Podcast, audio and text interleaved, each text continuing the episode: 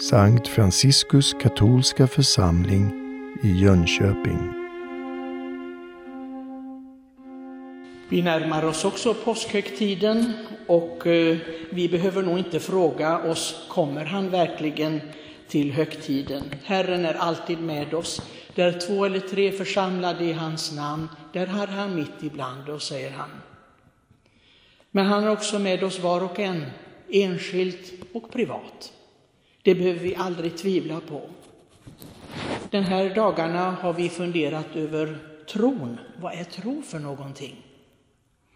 Och vi förstår av det som vi läser att tro är inte bara ett accepterande av att Gud finns, Guds existens. För som kyrkofäderna sa, de apostoliska fäderna sa, det tror även de onda andarna, de som tillhör djävulen. Så det är inget märkvärdigt, även om vi kanske tycker det är märkvärdigt. Eh, tyvärr är det så. Vi, vi har väldigt låga förväntningar och eh, i en diskussion en gång med kateketer eh, och mm, då så sa en av dem från KPN, katolska pedagogiska nämnden, för kateketerna de beklagade sig lite över att barnen visste så lite. Och då så sa den här representanten från KPN, katolska pedagogiska nämnden, att vi får vara glada att det överhuvudtaget kommer. Och alla hade vi stora ögon som tefat. Är det är det, det enda vi ska kräva och, och fråga efter? Att man överhuvudtaget kommer till kyrkan? Vi vet att tro är någonting mer. Det räcker inte.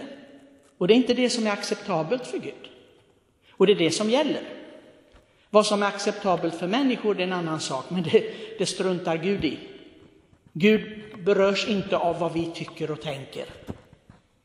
Utan han har satt sin lag. Och i kollektbönen, om ni lyssnade på den, så bad vi om att få vilja och uthållighet att hålla hans bud. Detta är tro.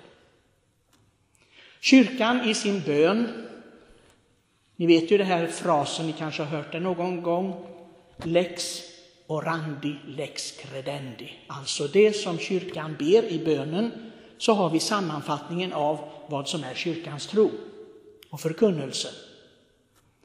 Och idag i bönen som hör samman med de här läsningarna så eh, förstår vi att den här uthålligheten, den behövs. Viljan och uthålligheten, att hålla hans bud.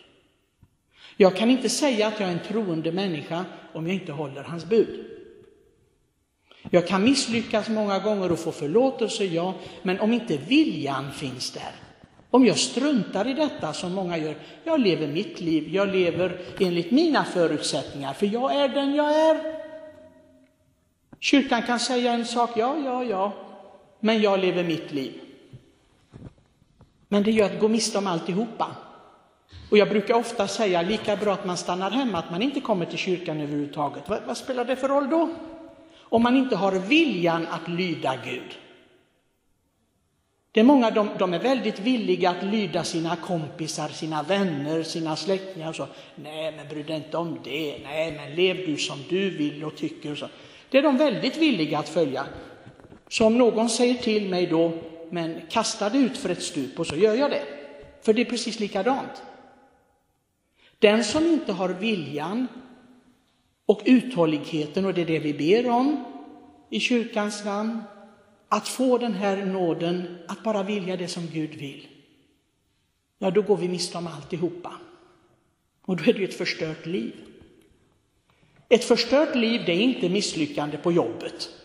Eller att jag inte har fått den utbildning jag inte har, att jag inte har de kompisarna och vänner jag inte har. Det är inte ett misslyckande. Vem kommer ihåg det av dem när vi går på kyrkogården, om de har lyckats med sådant eller inte? Det struntar vi fullständigt i, de ligger där döda. Så det har ingen betydelse när jag dör. Men däremot en annan sak har betydelse, det är min relation till Gud. Därför att jag är en evighetsvarelse.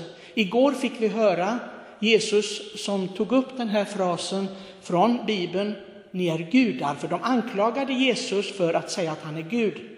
Men står det inte i eran lag, säger Jesus, ni är alla gudar. Det vill säga ni är evighetsvarelser, vi är inte Gud naturligtvis. Men vi är evighetsvarelser och vi kan inte göra någonting åt det. Mina kära, jag kan inte säga hur, hur, man ska bli av med det. Jag har till och med hört människor som hoppas att de ska utplånas helt när de dör. Det är buddhistisk eh, mentalitet eller tro. Men det är inte vår. Och de flesta av oss tror inte det. Varken judar, muslimer eller kristna tror det. Vi tror att vi, vi har en själ som är evig och det är den som vi ska ta hand om. Verkligen. Och det ska vi göra med fruktan faktiskt. Det är faktiskt bra om man har lite rädsla för detta. Vad blir det med min eviga själ? Min kropp, det spelar ingen roll. Det spelar ingen roll vad jag uppnår här. För snart ska jag dö och så är det över. Men däremot, vad händer med min själ? Och jag ska stå till svars för detta om jag har levt som en troende människa eller inte. Om jag har besvarat det som Gud vill i mitt liv eller inte. På lördagarna tänker vi på Maria. Vi firar idag ingen Maria-mässa för nu är vi i början, upptakten till heliga veckan. Den stilla veckan. Men vi tänker ändå på Maria där i bakgrunden som är en, verkligen en troende människa. Hon sätter inga krav, inga önskemål på sitt liv. Hon lever bara där i ständig öppenhet för det Gud vill. Och hon gör det. Någon påpekade, jag fick ett mejl från en person som frågade varför gick Maria till templet och uppfyllde det här med offret för Jesusbarnet om hon var utan synd. Varför gjorde hon det? Hon behövde ju inte göra detta. Kyrkan lär ju att Maria föddes utan arvsynden.